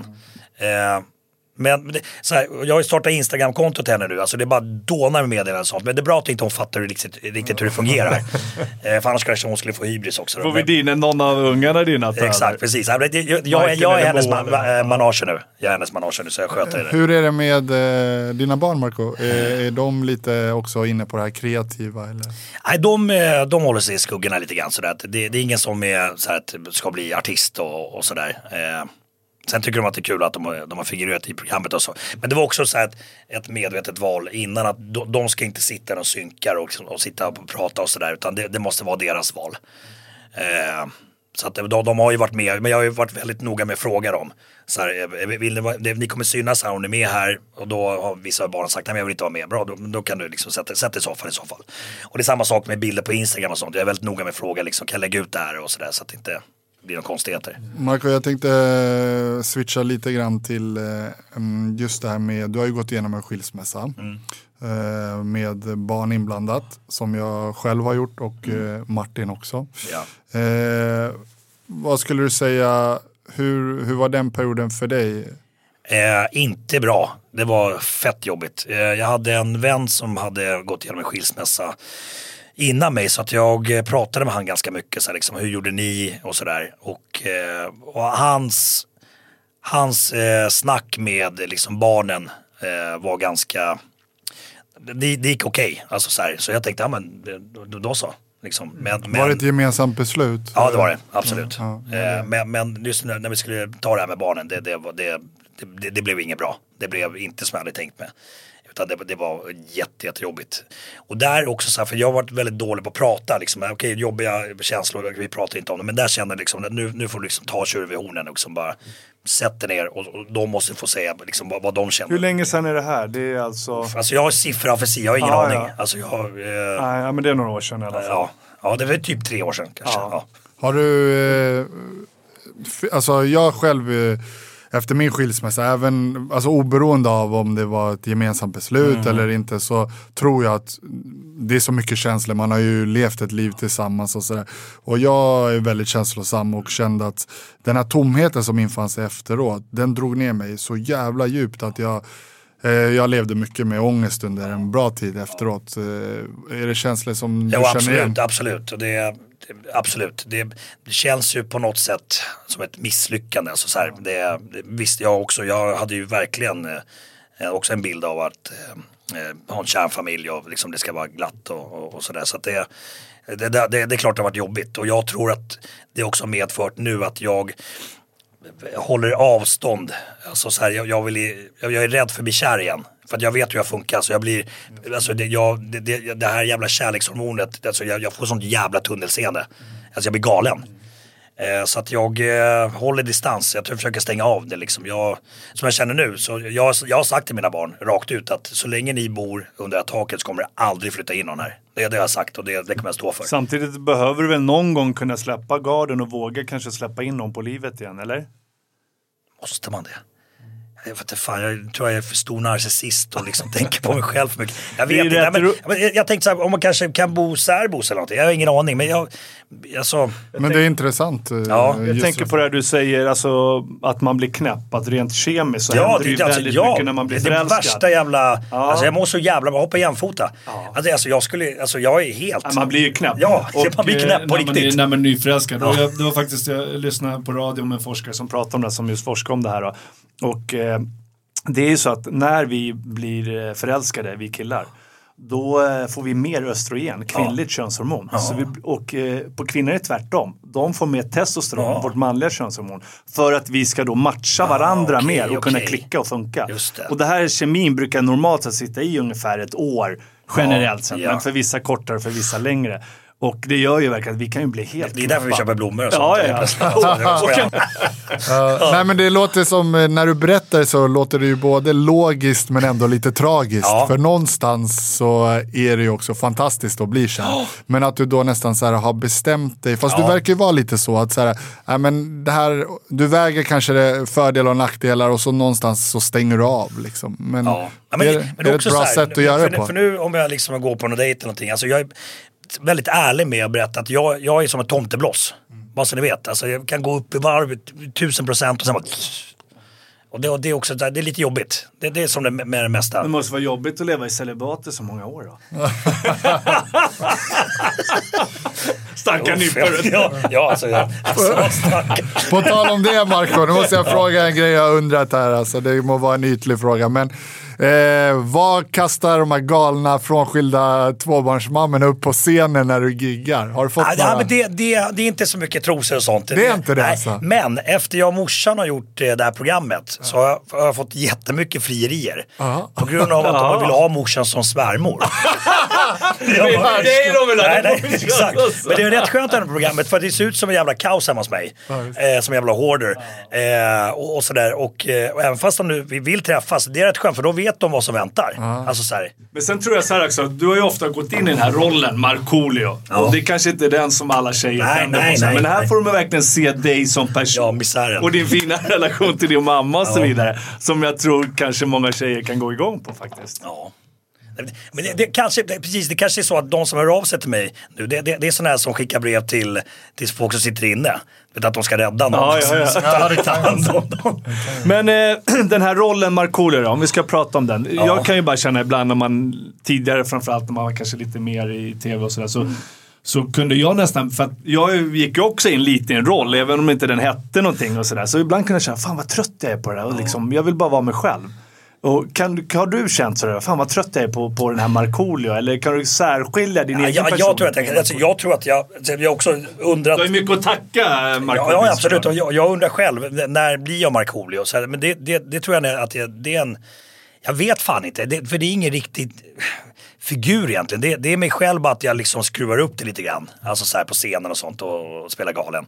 Eh, men annars... Eh, Det som Per Morberg sa, han sa ju det att, vadå, för vi ställde en liknande fråga, Ja. men vi är ju alla en komplex eh, mix av olika Ja. roller. Ja. Jag menar, kliver du in i ett rum med eh, eh, ja, men din svärmor, då intar du en viss typ Ja, av roll. Kliver du in Ja. i, upp på scenen med Ja. 20 000 galna eh, fans, då är, så att det, Så att den här rollen egentligen i början var ju mer alltså, så här, stor hatt och, och spela galen och, och alltid spela galen på bilder och sådär. Men, men det, för det var ju en partyfigur på något sätt. Eh, men sen, sen var det ju faktiskt någon gång, det här var ju väldigt länge sedan, som någon person, jag var på någon tillställning, som blev lite besviken. Fan vad lugn det är. Jag bara, vad menar du? Nej men jag tror att det liksom skulle vara mer galet. Jag bara, nej men alltså jag går inte runt och låtsas snubbla på saker och välter bord och, och sådär. Utan, det vet jag, det, jag vet inte fan. Men det, För där kanske är- det är olika situationer som man skruvar, jag anpassar mig liksom. För där är ju många, om man tittar på mycket komiker, det är ju väldigt många komiker som går in i väggen, som blir utbrända. Som egentligen mår dåligt. Ja, men de har ju den personligheten och den eh, karaktären Ja. påkopplad hela tiden. Kanske mer när de är ute privat. Ja. och folk tittar på gatan och asgarvar. Det har man ju själv gjort när man sett någon komiker. Man Ja, garvar lite ja. och det är inte så jävla roligt. Du är ute och går privat så går folk och garvar åt dig. Nej, och sen också tror jag att de har ju behovet av att kunna vara den andra delen av sig själv. Men ska man då hela tiden leva i den rollen, att på varenda fest de ska gå, i varenda liksom, sammanhang precis. så ska de vara... Men Kolla Jim Carrey, det finns ju massor som har Ja, liksom blivit jag tror Svullo hade också den, liksom att han Ja. kände nog press på sig att han skulle vara galen.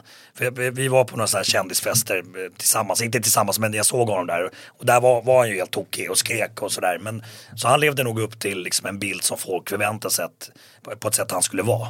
För det tänker jag på Robert Gustafsson. Han Ja. är ju tvärtom. Ja, ja, han var är- han får ju, Folk tycker ju han är dryg, Ja. att han är tråkig. Och så, men jag tror att han kanske ibland behöver den balansen. Att när han är privat, då sitter han ofta tyst. Han Ja. behöver inte spela över. Och sen när kameran sätts på, då Yes. går han in i rollen. Ja. Så det är han ju jäkligt professionell och duktig på. Japp. Men eh, det hade varit väldigt intressant faktiskt, Marco, att se dig i den här seriösa rollen. Ja. Tror du hade gjort det bra? Faktiskt. Jag tror, jag tror det. Har inte Dragomir som vi har haft som gäst tidigare, kan vi inte snacka med honom och Ja, se om han med eh, har. Mark, kan ta med Marco i någon roll? Han har ju en jävla massa anbud nu har vi förstått. Ja, men det hade varit eh, häftigt att se. Eftersom du har som sagt utmanat dig själv så många gånger. Och så känns det som att den pusselbiten lite är...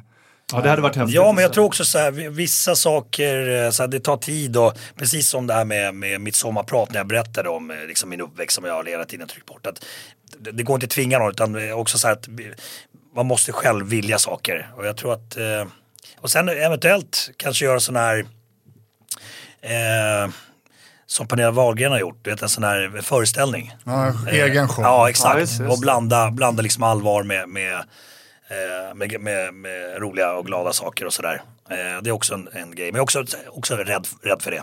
Om du gör en sån show när du är väl är rädd för saker så brukar ja, det gå ja, jag vet, bra. ja jag vet och då ska jag hoppa. Så det- Marco, då får du, jag gör en sån show, då kan du väl ha en liten akt för brottarbröderna? Ja, ja, ja, ja, ja, ja, ja, lätt, lätt, lätt. Släng upp oss Nej, vi, vi ska ha livebrottning. Ja, ja, ja, precis. Nej, men när vi, när vi är inne på brottning och så här också. Vi pratade om det innan kameran satt, sattes på här. Jag hade ju en ganska kort MMA-karriär där jag gjorde en match i Las Vegas. Då, och sen så hade en tanke på att satsa, men det blev inte så. Eh, Jag hade lovat ungarna att sluta med brottningen, var jämt borta nästan. Och, eh, men sen såg jag att mina gamla konkurrenter Dan Henderson och Randy Couture blev världsmästare i MMA båda två. Då. Men du har ju också en, en bakgrund inom kampsport. Du boxades ju ett tag, Marco. Ja, Djurgårdens IF, eh, där boxades jag. Hade eh, eh, Lasse Myberg. Ja, en gammal leg- Ja, legendarisk OS-silver tror jag, OS-brons tog han eh, vid något tillfälle. Eh, och hade ganska bra höger. Jag tror att Lasse hade Var det den du tränade på gatan? Nej men hörru, kolla, ser du inte eh, den röda tråden? Eh, Han går all in, det är alltid bara, han kan aldrig bli liksom halvbra. Det är bara höger. Glömde vänstern, glömde ett- ett garden. slag. Får jag inte in det då, då, då är det slut.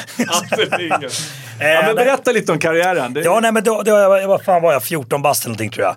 Eh, och så hade, efter två månader så skulle vi dra iväg Djurgårdens IF till Stockholms AIF, en annan boxarklubb.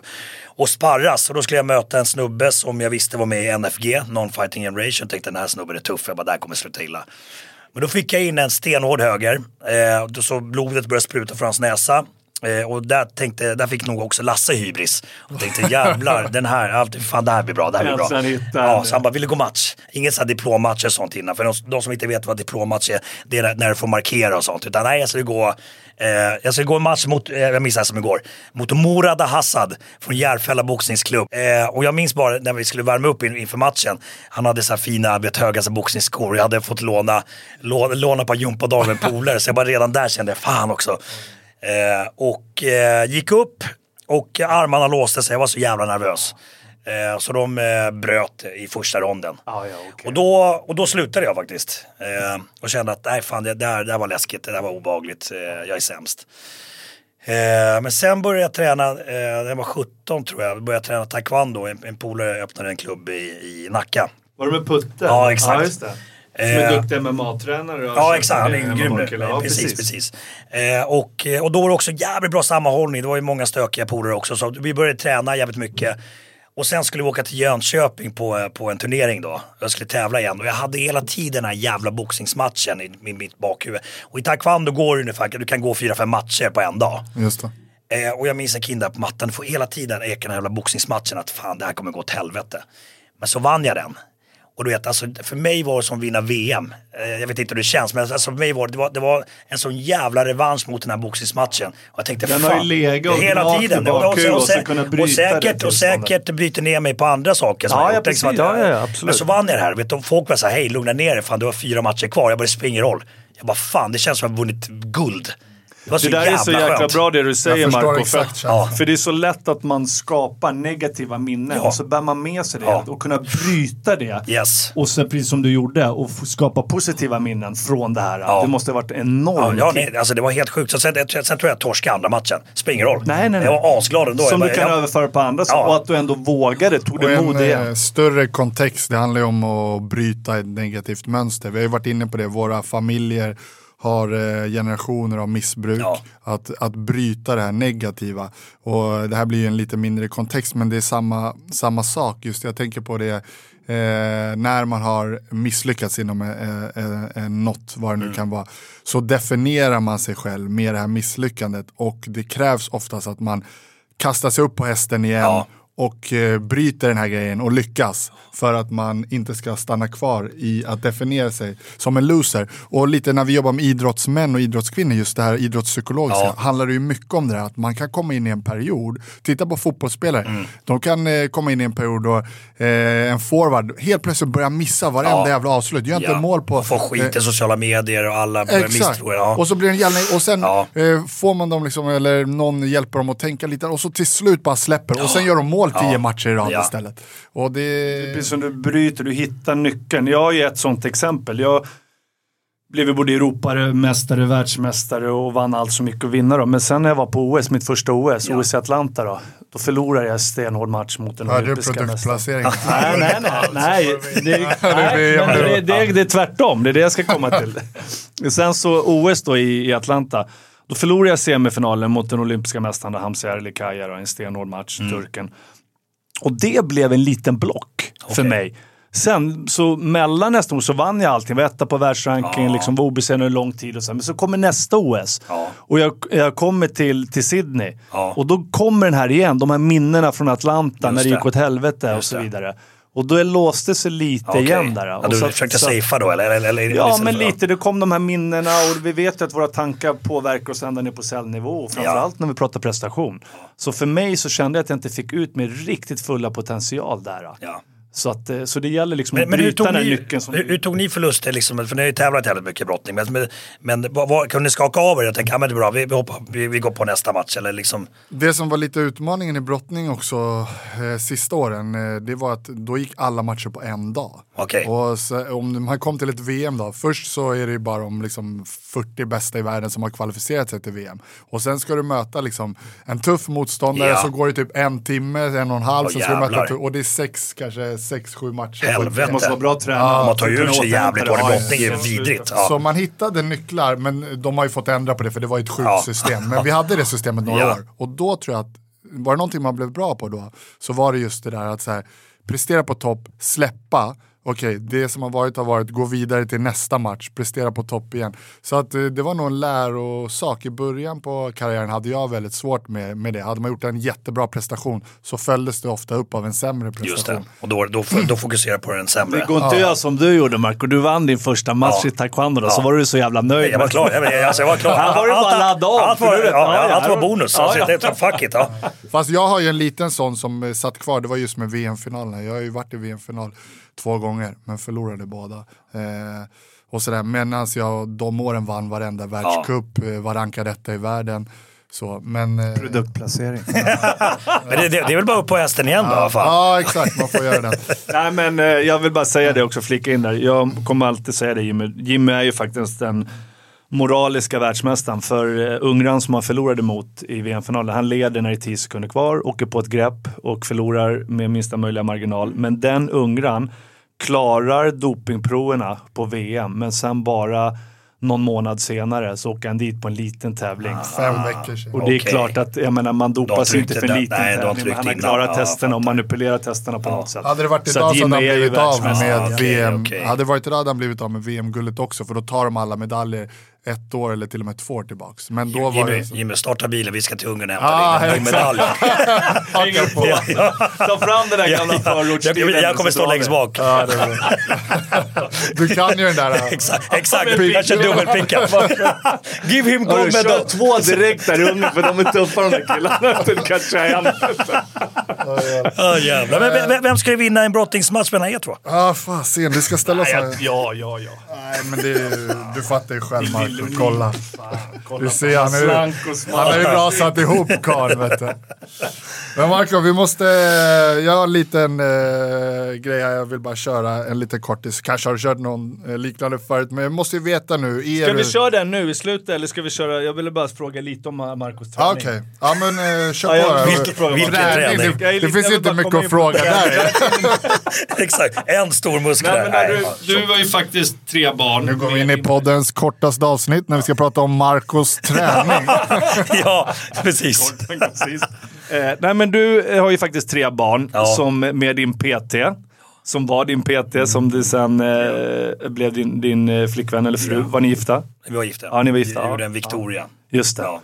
Eh, men eh, då kommer jag ihåg att du var i extremt bra form. Var det bara för att du var så jävla tänd på henne att du skulle visa att Nej, men, var det vad var, nej, men då var det med käken. Hon var ju väldigt noga med käket och sådär också. Så att, eh, det, Och du drack ingenting då knappt? nej, för då, då körde vi ett så här PT-kampen hette det. Då var det så här åtta veckors period. Eh, man eh, vägde in sig och vägde fettprocent och kollade fettprocent och allt det här. Och så tränade alla på varsitt håll i åtta veckor och sen så möttes man och så gjorde man en utvägning och sådär. Och då, då, också, då satte jag igång, okej fuck it, jag gör det här på allvar nu. Det, samma sak med, vänta jag måste gå tillbaka här nu. Eh, jag eh, skulle gjort lumpen egentligen när jag var 18 år.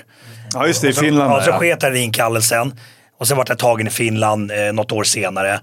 Eh, men, och fick sitta i finskt, eh, finska rester några dagar. Men kom hem, fick en ny inkallelse eh, till en finlandssvensk brigad. Och hade då tänkt redan innan så att när jag kommer dit så ska jag ta något slappt. Så jag kanske typ kan få ta köra körkort eller till exempel lastbilschaufför. Kock eller något. Ja exakt, precis. Men, men blev eh, inknuffad i första kustjägarkompaniet då. Och då fick jag också sån här flipp. Jag bara okej, fuck it. Jag bara, ska jag vara kustjägare? Jag tänker inte gå här och då, dra benen efter mig. Utan nu, Allt nu eller kör inget. Ja. Och då och, och blev befordrad till korpral. De försökte tvinga mig att bli eh, befäl i finska lumpen. Men jag sa att ni vet att jag är straffad i Sverige. Och då får du inte bli befäl. Ja, men vi hade tänkt göra ett undantag.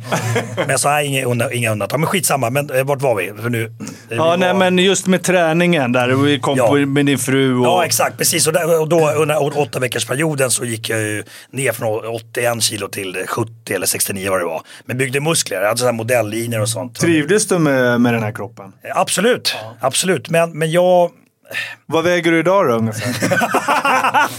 frågar man inte en dam. Nej men, eh, ja, men runt eh, faktiskt 90 pannor alltså. 90 pannor? Ja, Vi har ju faktiskt en Oj, bild oj, på hur oj. Markoolio såg ut på den tiden. fan så där skulle jag vilja se ut. Men, men, eh, men, eh, nej, men jag tänker, ni har gjort jävligt roliga sketcher här. Men, men, jag, jag är så, jag, jag, skrattar igenkännande åt era sketcher. Ja, det här på med, Instagram brukar Instagram, det här med att, ah, fan jag glömt vattenflaska, fuck it. Ah, men jag, jag tränar imorgon då istället. Och, det, det, och min, min grej nu är att ja, men jag har inga bra träningsskor och liksom träningskläder. Och, Det är din bortförklaring. ja, lite grann så. Idiot. Men skulle du vilja göra en resa igen och komma i form lätt. och sådär? Också så här, nu, jag börjar bli äldre och sånt. Mm. Och, eh, och jag är ju ganska fysisk på scen och jag har känt nu på giggen att jag är rätt trött efter två låtar. Men, men också så här bränd och tänker så här, fast jag har ju mina gig som träningspass och då behöver jag inte träna. Ja, just det. Då blir det den. Ja. Men då har vi en stående inbjudan till dig om du vill i framtiden. Ja. Vi har ju våran Team Lidberg online. Det. Kör vi ju med Douglas Murray, gamla det, hockeyspelaren bland det. Jag annat. träffade som- honom, han berättade det. Ja, nästan vägde 120 kilo när vi drog, drog Ja. igång. Nu är vi nere på runt 110 då. Men gör en fantastisk resa. Så vill du någon gång ha tid så sponsrar vi dig såklart. Oj. Så, Men, det, men kommer eh, jag se ut som, som Ja, Jimmy på den här bilden? ännu där? bättre, ännu bättre. Helvete. Och då är det Det är alltid... bara, Marco, det enda som inte ingår här det är facet. Det är svårt. Ja. Och då är det både kost, träning och så coachar vi dig framåt till drömkroppen. Så att, Men vill är du, det- då är det bara att du hör av det- dig. För jag är också sån här. Det ska vara timing också såklart. Ja, Ja, men det, men det finns alltid ursäkter för att det inte ska bli timing. bra, det finns bra. alltid. Ja, ja, men så är det. Men, men, Och hälsan står ju Jag är jävligt dålig på att träna själv. Alltså, då, jag har varit på gymmet själv och går och låtsas rycka med saker och skäms och sånt för att jag inte kan. Eh, men, men... Och vi kör ju, vi, vi har ju tillgång till ett gym eh, som ligger i Hammarby Sjöstad. Så när du är på väg ut till Värmdö, bra. då svänger du bara av. Det är Sjöstadshallen. Just det. Svänger för, du för här, så vi för, jag, för jag tänker på väg in eller... Ja. För Jörgen Krut har ju också en sån här träningsgrej. Och han har ju varit på mig, kommer träna. Men, men det är också så här, ah, svårt att hitta parkering och det. Ja, här, finns det all, här finns alltid Ja. parkering. Det finns alltid fullt. Ja, parkering. ja, du har Ja, parkering det på Sjöstad, plats. det tar ju mig kvart dit. Ja, det är bara motorväg. ja. Vad, är det, vad är det för gym där ja? Ja, Vart är det- vart är du stressad? Vart är du? Kan, inte- ska vi, köra? vi åker dit nu. Ja, Nej, men du har en stående inbjudan. Det är helt ärligt. Så vill du köra... Hur ofta kör man? Hur ofta, många gånger i Då veckan kör kör du då? online, så vi kommer att anpassa ett program utifrån dig. Du får en helt egen kostplan, ett helt eget träningsprogram. Vi kaloriberäknar det. Vi, Vi också med, med fördelar makronutrienterna i Vad sa du? kolhydrater. Vad- vad- Makronutrienter. vad är det? Det är kolhydrater, fett och proteiner. Som vi fördelar rätt.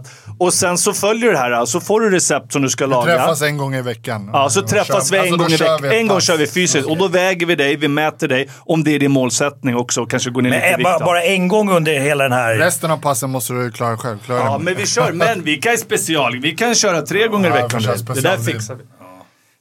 Fundera på Det är må- ja, för jag måste ha någon som får mig att göra de här tre sista repetitionerna. ja, ja. För det är de som säkert som ger. Du kommer få en, två gubbar tar fem extra. Ja. Åh herregud, jag Ja, vi får diskutera det här. Ja, vi det snackar hade om varit det. kul Ja. att köra med dig, Hur, Marcus. hur länge kör man då? Ni har att jag vill prata mycket om det. Ja, här, ja, va? jag, jag hör att du är intresserad. Vi, Fyra bruk, månader. ja, vi brukar köra fyra månader. Okej. Och på fyra månader, alltså målet är alltid att skapa hållbara resultat, men på fyra månader du kommer att vara i kanonform. Super. Och då hinner du till sommaren när du ska turne- turnera. Men vänta, eh, måste jag måla upp... Ska vi köra en deal redan Bil. här kanske? Nu när Ja, jag tror det. Jag tror, annars kommer jag inte göra det. Nej, nej, annars kommer jag inte göra Eh, jag måste hoppa. hoppa Ja. Återigen, så, så jag hoppar nu. Ja. Men eh, eh, kommer jag, om jag följer era, era grejer här nu, Mm. kommer jag med stolthet på ett gig i sommar kunna dra mig tröjan och stå så här och folk jublar? Är det så? Och då Ja, ska ja. du skriva, om du skriver så här med eh, målarfärg. Ja. This body was made of brottabröder. då kör Deal, vi. deal. Okej, när kör vi? När börjar vi? Eh, Jag att svimma. Jag att svimma. Eh, imorgon. Eh, har imorgon vi på eh, kamera. imorgon. ja, men vi snackar om det. Alltså, men- vänta, vänta, ta det lugnt. Men det är för att jag har lite grejer att göra bara. Okej, men inte för mycket ursäkter nu. Nej, jag vet. Okej, exakt. men vi börjar första passet inom två veckor. Okej. Invägning. Ja. Ja, bra. Då hör vi av oss som startat. Ja. Kul. Ja. Jag behöver det här. Bra. Okej, nu eh, har vi Ja. det. Ja, bra. Okej, vi skulle ju se om du är finn eller svensk någon gång Ja, för okej. alla. Du får några snabba här, Marco. Ja. Är du med nu då? Ja. Bastu eller charterresa? Bastu. Koskenkorva eller Pripps blå? Eh, Kosken. Eh, Viking Line eller SAS Business Class? Viking såklart. eh, läderbög eller gl- eh, glitterfjolla? Pök. Finska piroger eller Gorbis piroger? Nej, finska såklart. Eh, och så sista då. Pippa i skogen eller myssa framför brasan? Pippa i skogen. Det! Hundra procent! Det går aldrig ur en Alltså, jag gillar ändå bärs bättre än sprit egentligen. Så att, eh, ja, skitsamma. Ja, yes, ja, Men du ja, ser, ja, ja. ens riktiga färger, det går aldrig ur riktigt. Jag hör inte ens vad ni säger just nu för jag tänker bara på den här träningsgrejen. Jag tänkte, Fan vad ja. kul det ska bli. Ja. Vilken form han kommer att vara. Nej, Marco. Nej men Marco, ja. Ja, alltså otroligt jäkla kul att ha dig här. Vi vet att du har många järn i elden nu. Eh, Vi är supertacksamma att du ville komma till Brottabröder. Ja, jag är jättestolt att ha det här Marco. Jag, på något sätt, vissa människor känner man bara att man har någon speciell connection Ja. med. Och jag har alltid känt så. Jag vet inte, du kanske inte har känt Jo, likadant. jo, men, men, men, men det är därför jag- lägger man alltså- orden i munnen. Nej, men jag, jag, jag tackar ju nej till jättemycket poddar och sådär. Men, men, eh, men här känner jag att det där... Just när det finns också, det är inte bara utan det finns en lite liksom eh, nyans i, i det man pratar om. Alltså, sen får jag sitta och prata om min karriär hela tiden. Det har jag gjort med en miljard gånger. Så det, det, Tack! Tack gud, tack själv. Tack. Ah, shit vad kul. Oh jävlar. Bra Marco, Ja, bra. Glöm inte att prenumerera, följa, likea. Brottabröder podcast.